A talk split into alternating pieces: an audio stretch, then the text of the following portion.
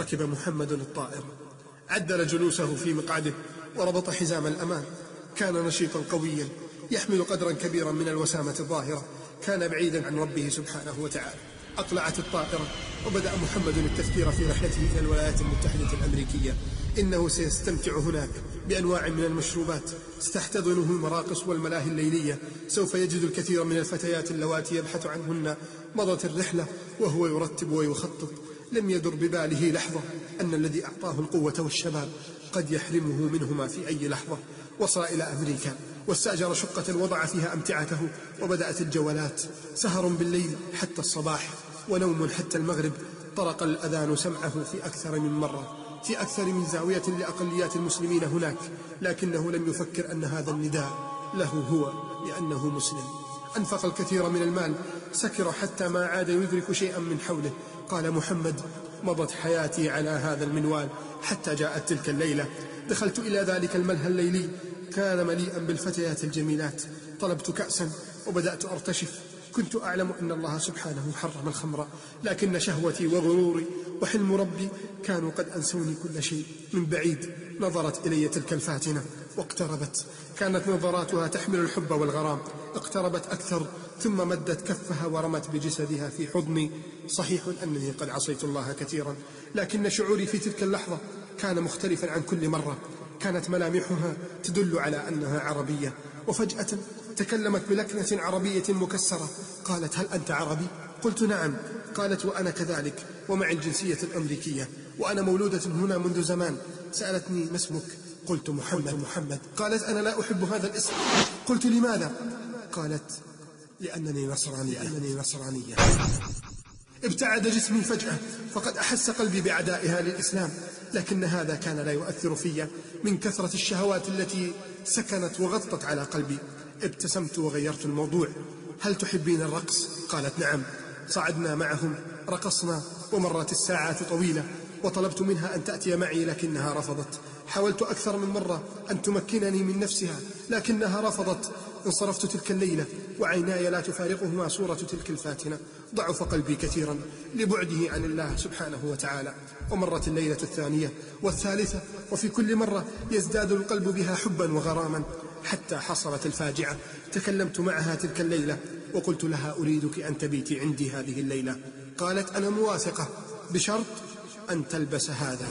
وأخرجت من جيبها سلسلة في وسطها صليب صغير. تملكني شعور غريب. صحيح أنني عاص لله. صحيح أنني لا أصلي. صحيح أنني لم أرى والدي من شهور. لكنني مسلم ولكن حبها فوق كل شيء. أسرعت وأخذت السلسلة وعلقتها في رقبتي. كالمأسور. كالسجين وأنا أبتسم. قالت بتعجب واه إنها جميلة عليك. هي هدية مني لك لكن لا تقابلني إلا وأنت تلبسها. مرت الليالي مع تلك الفاتنة. لذيذة جميلة. كان الشيطان يزينها لي وفي ليلة رفضت المجيء معي. كنت في شدة شوقي إليها. حاولت أن أستعطفها. حاولت إغراءها بالمال. قالت لا بصراحة أريدك أن تصبح مسيحي. يا الله يا الله وقعت كلماتها على قلبي كالصاعقة قلت مستحيل. قالت وأنا أيضا مستحيل أن أرافقك بعد هذه الليلة. بدأ الشيطان يضحك علي. كان يقول قل موافق. قل موافق فقط ولا يضرك. قل كفرت بالإسلام ولن يضرك شيء. فستريحك هذه الفتاة. ومضت تلك الليلة؟ وجاء الغد. فإذا هي أكثر إغراء وجمالا اقتربت مني. حتى أصبح وجهها قريبا من وجهي. وقالت يا قاسي ألا تحس بالحب؟ ذوبتني تلك الكلمات حتى لقد كدت أسقط. قلت بلى وما الذي جعلني أتعذب وأتعلق بك؟ قالت إذا ما الذي يمنعك من أن تتنصر؟ بل سأوافق على الزواج بك إذا تنصرت. هنا خارت عزيمتي. نسيت كل شيء. نسيت أن اسمي محمد باسم رسول الله صلى الله عليه وسلم. نسيت والدي عندما كان يوقظني وأنا في الابتدائية لصلاة الفجر. نسيت والدتي التي كانت تدعو لي بالهداية حين أدخل إلى المنزل في ساعة متأخرة من الليل. نسيت نفسي. لقد أصبحت عبدا للحب والهوى. ذهبت معها وحلقت رأسي وتنصرت. دخلت الكنيسة لأول مرة. بكيت بدون شعور. كانت دموع الإيمان تهرب من عيني. وأنا أدخل من باب الكنيسة. يا الله. بعد هذا العمر الطويل أصبح كافرا. أصبح كافرا. وجزائي ماذا سيكون؟ النار. أين خوفي من الله؟ أين حيائي؟ أين مجدي وعزي بديني؟ لقد مات كل شيء. رجعت بعدها إلى شقتي كالمجنون.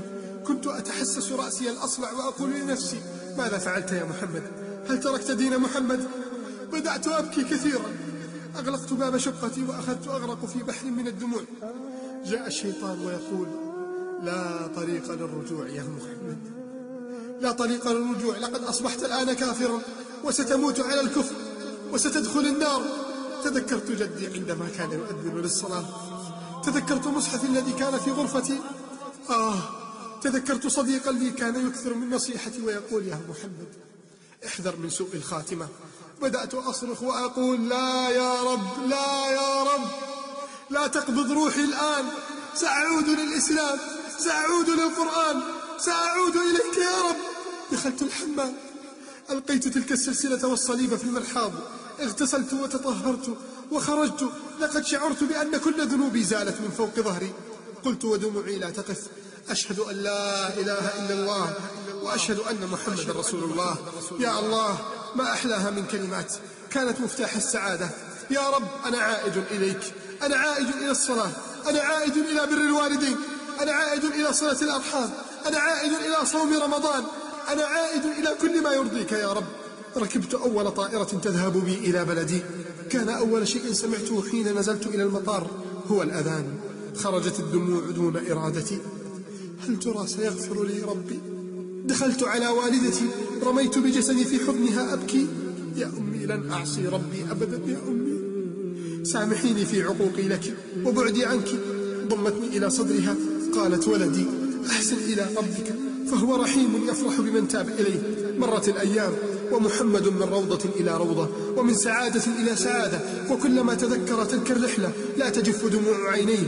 إذا اقتربت والدته من غرفته ليلا تسمع أنينا وبكاء. وإذا جاء الصباح تسمع قراءة القرآن والاستغفار. جاء يوم من الأيام فدخلت والدته عليه إلى غرفته. لتوقظه لصلاة الفجر فتحت الباب فوصل إلى أنفها رائحة طيبة زكية ما رأت مثلها قط تحسست ولدها في سريره مدت يديها فلم تجد ولدها نظرت ببصرها الضعيف فإذا هو ساجد على سجادة الصلاة قرب سريره وقفت تتأمل فيه وطال انتظارها نادت محمد ولدي! لم يرفع رأسه اقتربت الأم مدت يدها حركته فمال على جنبه نظرت الأم ولم تتحمل أترى سيكون ولدها قد مات وهو ساجد؟ لم تتحمل وهي تشاهد ذلك المشهد الرائع. خرجت الدموع من عينيها غزيرة وهي تنادي يا أولاد! يا أولاد! يا أهل المنزل! يا أهل البيت! انظروا إلى أخيكم محمد. اقتربوا حركوه. يا الله! يا أمة! لقد مات أخي محمد. يا أمة! مات وهو ساجد. علمت أن الرائحة التي وصلت إلى أنفها هي رائحة روحه الطاهرة. التي رفعتها ملائكة الرحمة وصعدت بها إلى ربه ومولاه وفرح مولاه بعودته فرزقه خاتمة حسنة.